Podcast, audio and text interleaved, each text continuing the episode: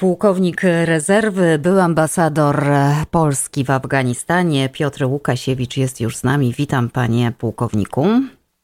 Dzień dobry, dziękuję za zaproszenie. Oj, to ja dziękuję, że pan znalazł dla nas czas i jeśli pan pozwoli, zaczniemy od tych najświeższych. Dziś jakiś zawał wiadomości z Ukrainy do nas napływa. No to, to, to, to, to zacznijmy od zerwanych negocjacji z Rosją, o czym poinformował jakąś chyba godzinę temu Michajło e, Podolak. Co to oznacza? No, oznacza to, że żadna ze stron, e, a przede wszystkim rosyjska nie jest gotowa na podjęcie e, negocjacji poza, e, poza takie incydentalne kontakty, jakie chociażby skutko, poskutkowały uwolnieniem e, części przynajmniej broniących się żołnierzy ukraińskich w Mariupolu, w Azowstalu, w kompleksie Azowstal.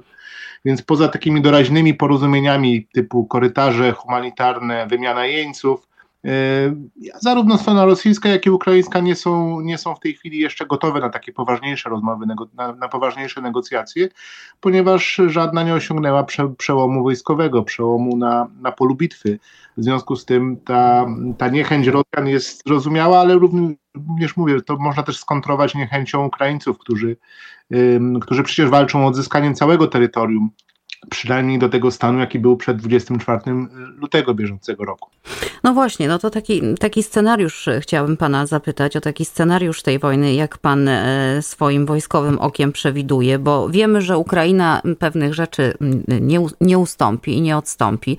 E, Rosja też pewnie będzie się starała trzymać swojego. No to, no to co, zapowiada nam się długi konflikt, pewnie tak. I co dalej? to wszyscy w zasadzie eksperci, którzy, którzy obserwują tę wojnę, przewidują, że ja tutaj podzielam to zdanie, nie, nie ma co tutaj wymyślać nowych, nowych scenariuszy, że to będzie konflikt długi, którego, znaczy Rosjanom nie wychodzą kolejne inicjatywy wojskowe, to jest jakby w tym wszystkim charakterystyczne, że to kolejny raz, kiedy miało, mieli zwyciężyć w Donbasie, to jest taka powiedzmy obwody, dwa obwody y, na wschodzie Ukrainy, mieli tam, skoncentrowali tam swoje uderzenie y, już na początku kwietnia. Ta ofensywa miała być takim odnowieniem e, wojny po ich stronie, po stronie rosyjskiej. To widać ewidentnie, że już się nie udało, że że Rosjanie stracili całkowicie impet, a ich y, te takie taktyczne zaledwie zwycięstwa e, nie przesądzają nawet tego wyniku, wyniku wojny na tym niewielkim skrawku, skrawku Ukrainy. Ale z drugiej strony, i na to też warto przede wszystkim zwrócić uwagę, co dzieje się w innych regionach Ukrainy, to znaczy tam, gdzie Rosjanie e, już są i to są w zasadzie od pierwszego miesiąca wojny, czyli mówię tutaj głównie o wybrzeżu Morza Azowskiego i częściowo też Morza Czarnego. Tam zostały zajęte taki pas ziemi pomiędzy, e, pomiędzy Rosją a, a Krymem, e, czyli został wyrąbany po prostu taki, taki korytarz lądowy między, między Rosją a Krymem. To jest to, to był zawsze postulat rosyjski po, e, po aneksji Krymu w 2014 roku, aby utworzyć połączenie lądowe z tym, z tym półwyspem. To się Rosjanom udało i teraz Rosjanie prowadzą na zdobytych terenach bardzo intensywną operację pacyfikacyjną. Y, polegającą na tym, aby w tych miejscowościach y, typu Melitpol, Hersoń, y, Mariupol również stworzyć, ustanowić własną władzę, znaczy władzę rosyjską. Wprowadzają walutę, wprowadzają rubla zamiast hrywny, rozdają dzieciom podręczniki rosyjskie, dzieci muszą śpiewać piosenki rosyjskie, funkcjonują jakieś władze okupacyjne, znaczy władze złożone z Ukraińców, czy też obywateli Ukrainy, może tak powiem, obywateli Ukrainy, którzy, którzy zdecydowali się na kolaborację z okupantem. Więc w tych terenach y, Rosjanie po prostu umacniają swoją, swoją państwowość, y, czyszczą y, czy też likwidują państwowość ukraińską i, i zdaje się w ten sposób tworzą no, pewnego rodzaju sytuację, która, z, którą, z którą Ukraina będzie musiała sobie poradzić, w tym sensie, że będzie musiała przygotować dość istotne środki, zgromadzić istotne środki wojskowe, jeśli faktycznie będą chcieli odbić ten, te, te tereny e, w przyszłości. E, można się spodziewać, że niebawem w następnych tygodniach, może miesiącach, będą przeprowadzane w tych regionach, czyli w tym tak zwanym obwodzie zaporowskim i hersońskim jakieś referenda. Oczywiście wiemy, że one będą nie będą się liczyły w żaden sposób co do, co do kalkulacji i ukraińskiej, i międzynarodowej, natomiast będą dla Rosjan jakimś argumentem za tym, że te ziemie są rosyjskie, a więc w przyszłości, jeśli te republiki zostaną, czy też te obwody zostaną uznane za część Rosji, wówczas atak, kontrofensywa ukraińska która miałaby je odbijać, y, będzie sprzedawana niejako przez władze rosyjskie swoim, czy Rosjanom jako atak na, na Rosję po prostu. E, I to jest moim zdaniem bardzo, bardzo, bardzo, znaczy nie wiem czy prawdopodobny scenariusz, ale znaczy, znaczy prawdopodobny, nie wiem czy pewny, ale na pewno prawdopodobny scenariusz postępowania e, i, i takiego uzysku polityczno-wojskowego z przewagą, z naciskiem na słowo polityczne hmm. w tej wojnie. Mhm. E, no a z drugiej strony Ukraińcy odbijają część terytoriów. Wczoraj mieliśmy takie symboliczne wydarzenie, kiedy to wkładali słupek graniczny, prawda? Gdzieś tam przebili taki, taki tak. wąski korytarz między tym, o czym pan mówi i, i, i, postawili słupek. Jak ważne są takie symbole w takiej wojnie? No to, to, oczywiście jest to prezydent Zeleński podkreślał wagę tego dojścia do granicy z Rosją. Tutaj od, oczywiście takie dojście do granicy otwiera, jest zarówno symboliczne, po, polega na wyrzuceniu okupantów e, z, z tego pasa ziemi które, i przywrócenia granicy państwa, czyli fundamentalnego e, składnika, można powiedzieć, państwa. Z, z, drugiej strony pozwala też Ukraińcom myśleć o jakimś być może rażeniu celów na terenie samej Rosji, ale też proszę, pragnę tutaj zwrócić uwagę nieco, może no nie chcę za bardzo studzić nastrojów, ale trzeba też wziąć pod uwagę, że te tereny, które Ukraińcy odzyskują e, z rąk Rosjan, to są tereny, z których Rosjanie się wycofują. I walki, które tam trwają, to są walki z wycofującymi się oddziałami rosyjskimi. Więc tutaj ten, oczywiście nie, nie negując sukcesu Ukraińców, który, którzy odnoszą sukcesy polityczne i wojskowe od początku tej wojny, jednak warto zwrócić uwagę, że e, że tam, gdzie Rosjanie, Rosjanie są na takim etapie minimalizowania swoich celów. E, tak jak wspomniałem, we wschodniej Ukrainie, również tych, tych celów politycznych przed chwilą przede, przeze mnie opowiedzianych na, na południu, czy na wybrzeżu Morza Azowskiego. E, więc faktycznie mm, te odbijanie tych terenów w okolicach Charkowa, tam bardziej na północy, e, jest niewątpliwie kolejnym dowodem na sukces Ukraińców, ale też warto mieć pod uwagę, że tutaj Rosjanie raczej się cofają niż Ukraińcy, e, niż Ukraińcy wygrywają, tak, że tak powiem, w boju te, te, te tereny. Sytuację można podsumować e, e, tak trochę, no nie wiem, trochę to, to, to pewnie będzie rozczarowujące i dla pani, i dla, dla słuchaczy, że ani Rosja nie przegrywa, ani, ani Ukraina znacząco nie wygrywa tej wojny. Jest po, prostu, jest po prostu coś w rodzaju pata z takim przesuwaniem się linii frontu bardzo, o bardzo niewielkie odległości w jedną albo w drugą stronę. E, I, i, i, i, tak wygląda sytuacja, że tak powiem, na, na można powiedzieć według oglądu na, na, na polu bitwy. Przy czym jeszcze raz zaznaczam, że, że, że faktycznie w stosunku do celów strategii rosyjskiej z początku tej wojny, no to faktycznie Ukraińcy, Ukrai, Ukraińcom udało się zachować swoje państwo, udało się, udaje się również odzyskiwać e, znaczącą część terenu, no ale znowuż będzie tutaj, będzie tutaj jeszcze sporo przed nimi, sporo wysiłku po stronie Zachodu również, żeby, żeby Ukraińców w tym, w tym wysiłku y, ich popierać i, i, i, doprowadzić do jakiegoś e, dla nich e, pozytywnego rozwiązania.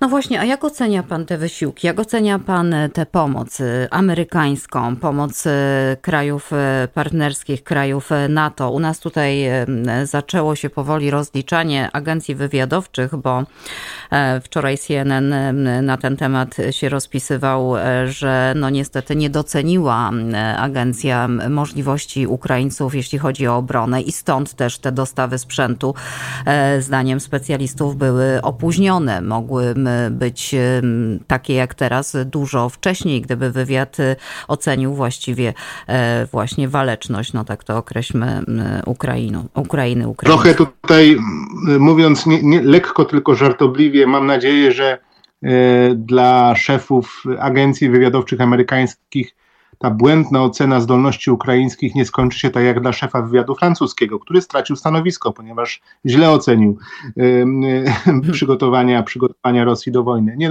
mówiąc, mówiąc poważnie, amerykański wywiad, amerykańska administracja, ale przede wszystkim amerykański wywiad wy, wykonał olbrzymią, doskonałą, wspaniałą pracę w tych miesiącach poprzedzających wojnę, kiedy wszem i, i, i wobec trąbił już, mówiąc bardzo głośno o tym, że Rosjanie się do wojny szykują, a ci, którzy nie wierzyli w tę wojnę, y, no, przekonali się, że tutaj tym razem wywiad amerykański miał y, stuprocentowo rację. Oczywiście możemy dyskutować, czy te przewidywania były oparte na, czy to była troszeczkę, była w tym, było w tym polityki, trochę takiego, takiego nacisku politycznego, pewnego y, nadinterpretowania ruchów rosyjskich, czy był to faktycznie wywiad osobowy, ten human, czyli human intelligence, E, którzy, w którym Amerykanie tak są, tak, tak celują. E, więc tutaj oczywiście to pewnie pozostaje przez, na długo tajemnicą e, wywiadowczą amerykańską. Niemniej jednak ta praca i to, to przygotowanie polityczne tego, co w tej chwili już kwalifikujemy, czy też definiujemy jako jedność zachodnia,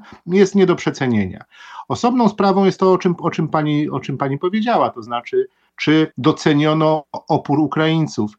I znowuż ja nie byłbym specjalnie surowy dla, dla wywiadowców amerykańskich, czy dla kogokolwiek w ogóle w ocenie Ukraińców, bo też ten, ten opór ukraiński sprowadzi, można sprowadzić czasami do jednej prostej, ale jakże heroicznej decyzji prezydent, prezydenta Zeleńskiego. Uciekać czy nie uciekać. Byłem Państwa gościem w sprawie Afganistanu pół roku temu kiedy pomstowałem przecież na Państwa antenie na, na decyzję prezydenta Afganistanu Ashrafa Ganiego, który uciekł z Kabulu no i tym właśnie. samym doprowadził do, do zapaści armii.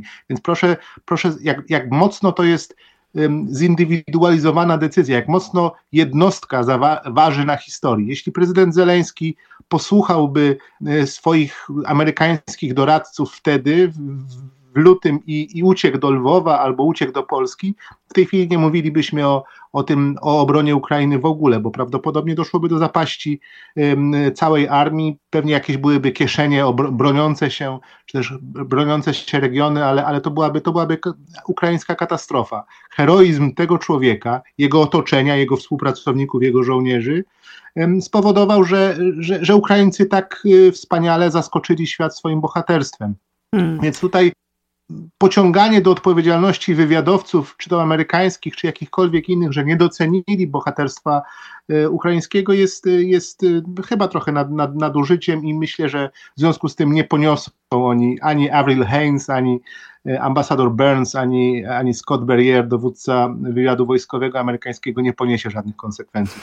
Tak, tu się właśnie też przeciwstawia te, te kwestie Afganistanu, że tam ocenili w drugą stronę i też źle, a tutaj e, nie docenili. No, tak jak pan mówi, to, to, to są bardzo indywidualne kwestie. Wracając do uzbrojenia, do możliwości coraz większych Ukrainy w związku z, ze sprzętem dostarczanym, ze szkoleniem żołnierzy, bo to wszystko, jak wiemy, idzie e, w parze. Wczoraj Oleksij Arestowicz powiedział, że lipiec to będzie ten miesiąc, kiedy nastąpi przełom, bo wtedy Ukraina będzie mm, tak uzbrojona, jak powinna być, aby pokonać wroga.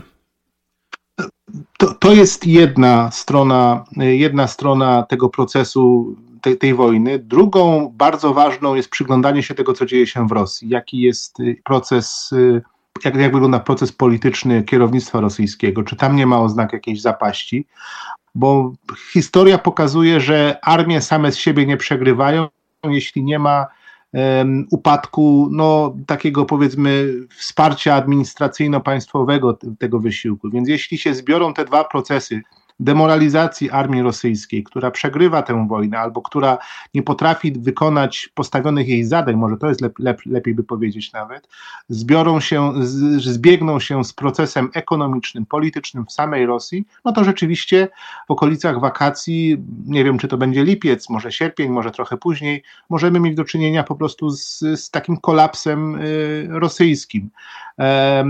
Sytuacją, która, co do której oczywiście nasze sympatie, nie, na, pewno mm, słuchaczy i amerykańskich, i, i, i, tutaj w Polsce na pewno sympatie są po stronie ukraińskiej, ale proszę zwrócić uwagę, że im lepiej, i to jest tak taka, taki paradoks tej sytuacji, im lepiej Ukraińcom idzie, im lepsze, im większe oni mają ambicje co do pościgu za Rosjanami, bo przecież takie również pojawiają się zapowiedzi, że będziemy wyzwalali całe terytorium ukraińskie, tym bardziej zwiększa się, no nie wiem czy prawdopodobieństwo, ale to zagrożenie użyciem przez Rosjan e, e, no, broni masowego rażenia, krótko mówiąc, e, ono się po prostu zwiększa. Więc tutaj, tutaj zarówno Ukraińcy, jak i ich wsparcie z Zachodu, czyli głównie amerykańskie, będą musiały bardzo, bardzo pilnie obserwować y, ten proces po stronie rosyjskiej, czy tam nie dochodzi do jakiegoś no, takiego chaosu, którego na pewno nie chcielibyśmy widzieć wewnątrz mocarstwa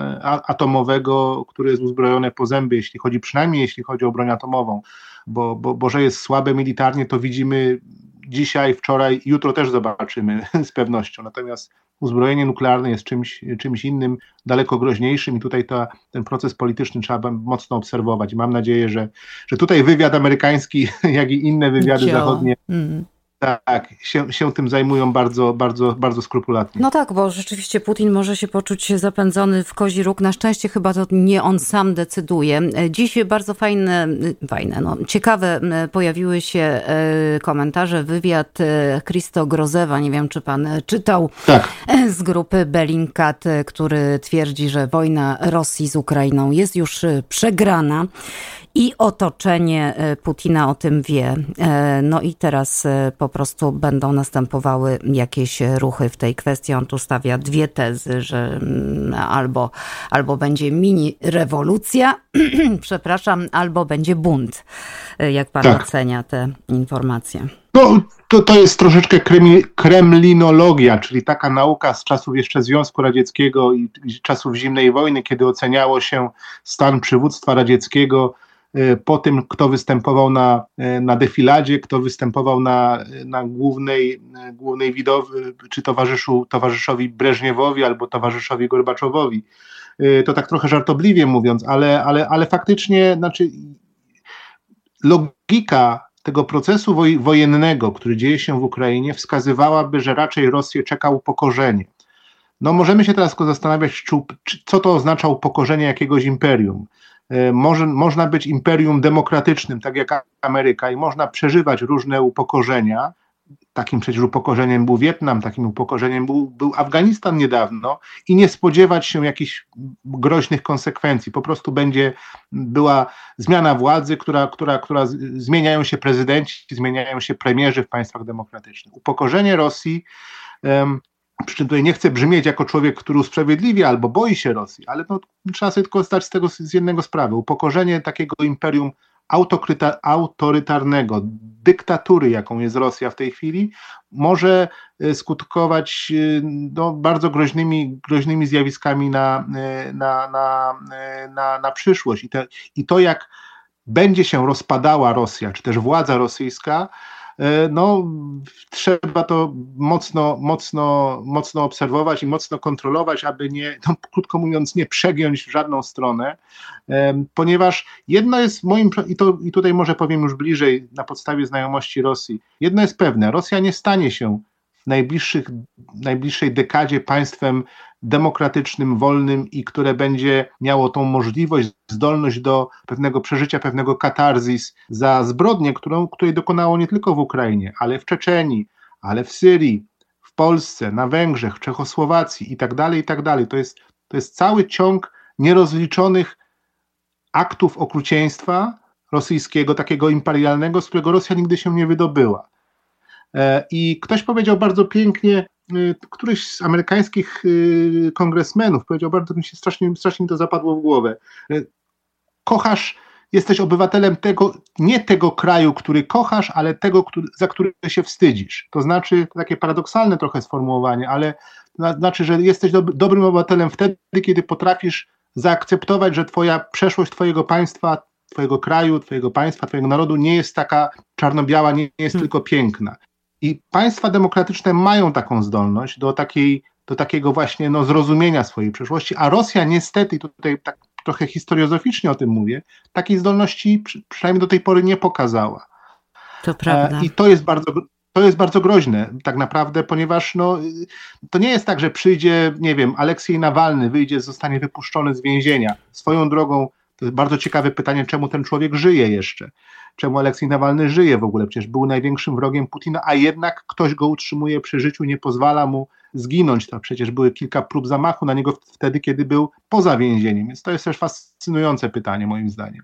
Ale y, mówiąc tak już, tak wracając do, do, do, do Rosji, nawet jeśli tam przyszedł ten Aleksiej Nawalny, taki symboliczny, jakiś odnowiciel rosyjski, to pytanie, czy on będzie się w stanie zmierzyć z tym imperializmem rosyjskim, z którym mieliśmy do czynienia nie od ostatnich trzech miesięcy, ale przez ostatnie kilkadziesiąt lat i tej zdolności do, do uznania przez Rosję, że, że trzeba inaczej się zachowywać i wewnątrz, i na zewnątrz. I tutaj mam spore wątpliwości, czy taka taka refleksja w, Rosjanach, w, Rosjach, w Rosjanach e, nastąpi. Może nie nastąpić. Ja jeszcze na koniec chciałabym pana o takie tu i teraz e, dwie rzeczy, a mianowicie Mariupol, ewakuacja, ponad 200 żołnierzy. Najważniejsze, że tych ciężko rannych ewakuowano. Tylko teraz pytanie, czy dojdzie do tej wymiany jeńców? Dziś przewodniczący Dumy Państwowej w Rosji nazwał ich czyli obrońców Azowstalu, zbrodniarzami wojennymi i nawet e, powiedział, że zniesienie zakazu stosowania kary śmierci wobec zbrodniarzy nazistowskich powinno mieć e, miejsce. No na pewno to, jak Rosjanie potraktują tych ludzi, przecież o których przecież była do, w pewnym sensie ta wojna również, bo przecież teza rosyjska o rzekomym nazizmie czy też faszyzmie, czy nazizmie ukraińskim skupiała się właśnie na bojownikach tego dawniej wolnego batalionu, wolnego pułku Azow, czyli, e, czyli batalionu, czy też grupy ludzi, którzy przed wojną, którzy powstali w 14 roku, ale cechowała ich pewnego rodzaju no, czasami byśmy to nazywali neofaszystowską, czasami neonazistowską, jakąś taką skrajnie prawicową retoryką, którą kiedyś uprawiali oni się intensywnie zmieniali w ostatnich ośmiu latach. No ale kiedyś to była rzeczywiście grupa skrajnie, e, skrajnie, skrajnie prawicowa, gdzieś jakaś taka, takich suprematystów, pewnie amerykańscy słuchacze mogą to odnieść do, do, do tego, co dzieje się e, w Stanach Zjednoczonych, jeśli chodzi o białych suprematystów, taką skrajną prawicę. No w każdym razie oto była ta wojna, oto Rosjanie między innymi retorycznie wywołali wojnę z Ukrainą, ponieważ istniało coś takiego jak pułk Azow. I teraz to, jak potraktują jeńców tego pułku, e, w jaki sposób e, będzie dochodziło albo nie do wymiany tych ludzi za pochwyconych żołnierzy rosyjskich, zbrodniarzy prawdziwych, bo to, bo to są napastnicy prawdziwi. Żołnierze pułku, pułku Azow bronili swojego kraju, rosyjscy żołnierze napadali, mordowali i gwałcili y, Ukraińców i Ukrainki jako, jako wojska napastnicze. Więc to, jak oni potraktują tych ludzi, będzie dużym testem E, dla, dla Rosji i jej podejścia do, e, do, do, do, do, do rozwiązania tej wojny, do, mm. do zakończenia konfliktu. Panie pułkowniku, zupełnie na koniec bardzo przeciągnęliśmy, ale tak interesująca jest ta rozmowa, no, że po, znaczy ja oceniam, że interesująca, myślę, że nasi słuchacze podobnie. Mam nadzieję również, że tak ocenią. Lwów jeszcze, to znaczy do, dokładnie chodzi mi o, o mm, atak w rejonie jaworowskim, bardzo blisko granicy z Unią Europejską, granicy z Polską. Na ile to jest niebezpieczne, bo przecież to można się pomylić o te 20 kilometrów. A druga sprawa, czy to był atak, bo tam mówiono o infrastrukturze kolejowej, czy to była próba ataku na sprzęt, który do Ukrainy podąża ze strony polskiej? Z, z dużym prawdopodobieństwem można powiedzieć, że Rosjanie robią to, co zapowiadają, czyli to, że będą atakowali konwoje ze sprzętem natowskim idące do Ukrainy. Oczywiście wielkim założeniem tych, tych słów po stronie rosyjskiej i dyplomatów i generałów rosyjskich jest to, że będą atakowali sprzęt natowski na terenie Ukrainy. Co jest jakby, no można powiedzieć, no jest wojna, więc, więc, więc atakuje się cele, cele zaopatrzenie przeciwnika. No, nie chcę mówić, że to jest normalne, no ale takie są reguły wojny. Natomiast y, tutaj pani słusznie zwraca uwagę, że znaczy, raz, że może nastąpić pomyłka, drugie, że może nastąpić wadliwy sprzęt, a trzecie, że może nastąpić prowokacja rosyjska wobec terenu, terytorium y, natowskiego, jakim jest terytorium Polski. E, I ten trzeci scenariusz byłby tutaj najgorszy, bo gdyby spadła bomba przez przypadek, przez przypadek gdzieś na las w pobliżu polskiej granicy, albo nawet w polskiej granicy, no to z pewnością tutaj nerwy by zagrały po, po obu stronach no bo to byłoby już rozszerzenie wojny na terytorium NATO, ale no, pewnie zachowanie zimnej krwi w takich sytuacjach jest, jest, jest kluczowe. Jeśli natomiast byłby to wymierzona prowokacja w stronę, w stronę terytorium natowskiego, jeśli taka by nastąpiła oczywiście, Y, no to odpowiedź na to powinna być zdecydowana i, i, i również militarna. I tutaj nie ma tutaj wątpliwości, że, że, że atak na terytorium NATO byłby, y, musiałby się spotkać z militarną odpowiedzią. Natomiast no, y, to, co Rosjanie robią, jest skrajnie niebezpieczne i jest takim właśnie, jak to się czasami mówi w języku sportowym, pójściem po bandzie, mm. strzelanie tak, tak blisko granicy. No znowuż, znowuż znaczy też na, na, tak na, na, na drugą nogę powiem, że no niedawno mm, Lloyd Austin, szef Pentagonu, rozmawiał z ministrem obrony Siergiejem Szojgu. Rozmowa podobno trwała godzinę i zakładam, że w jej trakcie nie tylko panowie się wyzywali wzajemnie, ale, ale ustalali również tak po wojskowemu e, scenariusze postępowania i, i w sytuacjach, które przecież wojna obfituje w przypadki e, i, i, i również ustalali takie, takie kanały komunikacji na wypadek, gdyby do takiego przypadku zamierzonego. Jeśli byłby zamierzony, to oczywiście byłaby reakcja inna. Jeśli byłby przypadkowy, no to też powinna być inna. Jasne. Dziękuję panu uprzejmie za te e, Dziękuję. jakże ważne komentarze, wyjaśnienia e, dla nas laików. Pułkownik e, rezerwy Piotr Łukasiewicz był naszym gościem. Panie pułkowniku, do usłyszenia. Dziękuję bardzo, pozdrawiam słuchaczy i do usłyszenia.